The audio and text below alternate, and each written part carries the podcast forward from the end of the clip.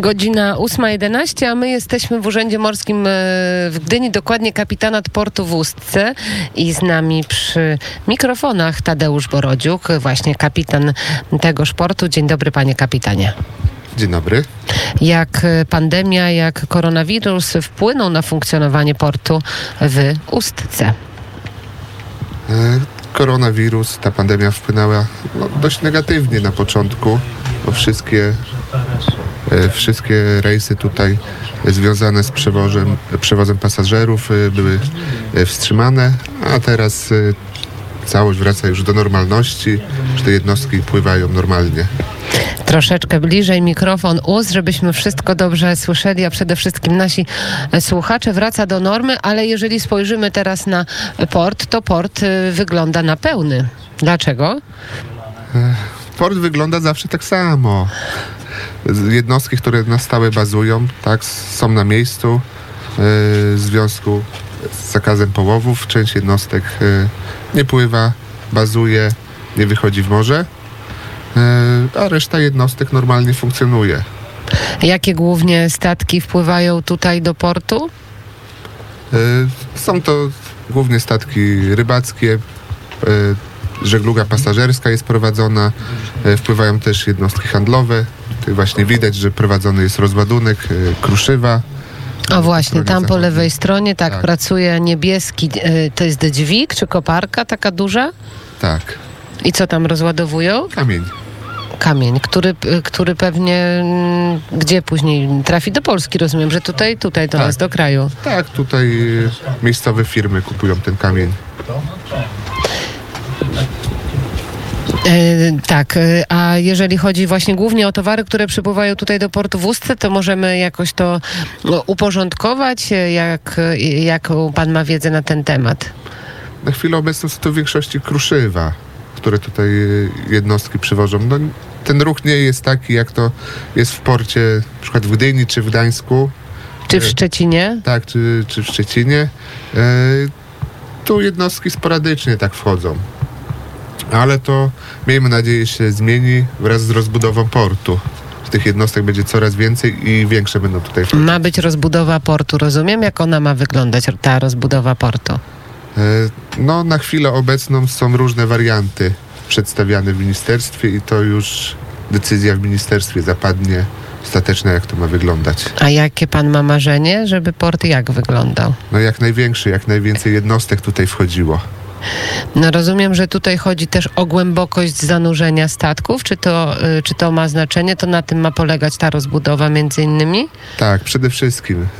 e, Na razie jakie jest?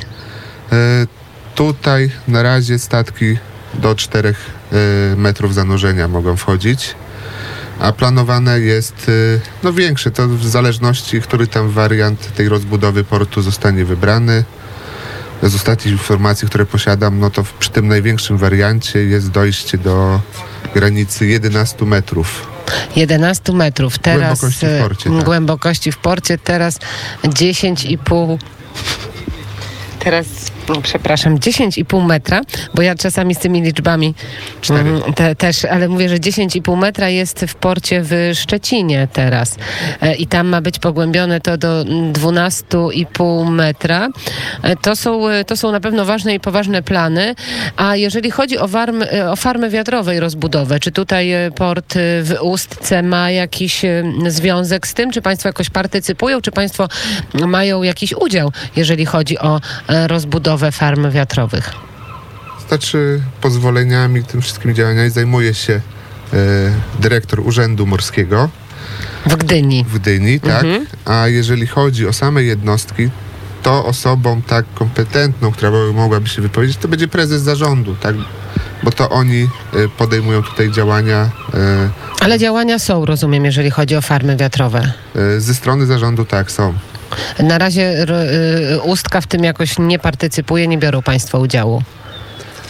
Znaczy my, my jako urząd, tak, y, przygotowujemy y, plany, tak?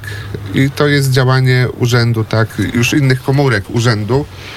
A tutaj odnośnie wejścia jednostek, no to zarząd, który jest właścicielem nabrzeży, to oni starają się pozyskać, tak, żeby te jednostki tutaj przychodziły. Pan y, też przygląda się temu, co się dzieje z polskim rybołówstwem. Przygląda się pan oczywiście patrząc na te kutry, które nie wypływają. I co pan sobie myśli o tej całej sytuacji? Ciężko powiedzieć. Część rybaków e, jest zadowolona, no bo dostają e, odszkodowania. A, a część Dostają? wolałaby Pan Andrzej Detlaw kiwa głową, że nie dostają odszkodowań. No, z tego co ja wiem, bo mam też znajomych, to część dostaje, Dostaje. jakieś pieniążki. Ja się sprawami rybołówstwa, powiem szczerze, nie, Mhm. nie interesuję, e, bo to jest e, Tutaj szepty, szepty, szepty, a my musimy mieć ciszę na pokładzie. e, Inspektorat Rybołówstwa Morskiego. Tym się zajmuje. Mm, a turyści jak w tym roku, jeżeli chodzi o port, jeżeli chodzi o koronawirusa, o tą całą sytuację, no pewnie niekorzystną trochę dla, dla turystyki. No, tych turystów jest y, zdecydowanie mniej. E, Armatorzy prowadzący działalność przy, przewo- przewozów pasażerskich e, narzekają, że niestety je, jest tych ludzi mniej, te zarobki są e, mniejsze. To na pewno mm, widać nie tylko w Ustce, ale też w wielu innych miejscach Polski. My także przemierzamy Polskę wzdłuż i wszerz, wracamy do źródeł, szukamy tych źródeł e, i mamy takie same wnioski, chociaż nie we wszystkich miejscach. E, Agroturystyka wręcz przeciwnie. I jeszcze wró- wrócę do tego, jak wygląda sprawa portu zimą, bo wiemy, że to jest port niechroniony. Co to znaczy? Co to jest za pojęcie port niechroniony? Nie wiem, jakie pani ma e, informacje, tak? E, co to jest port niechroniony. O, tutaj odnośnie zalodzenia e, są podejmowane. Jest prowadzona akcja przeciwlodowa zgodnie z zarządzeniem dyrektora Urzędu Morskiego. I odnośnie tych portów, w których jednostki, tak, nie jest prowadzona ta akcja, inne jednostki są zmuszone do przebazowania się do tych portów, gdzie ta akcja jest e, prowadzona. Bardzo dziękuję. Tadeusz Borodziuk opowiadał nam o funkcjonowaniu kapitanatu portu w Ustce. Bardzo dziękuję za rozmowę. Dziękuję również, pozdrawiam. Pozdrawiamy, godzina 8.19 na naszych zegarach i my patrzymy na naszą playlistę, którą dostajemy specjalnie, drodzy Państwo, z Warszawy od Dariusza Perku Konkola, a teraz trochę po angielsku. Warhouse Love is a Stranger.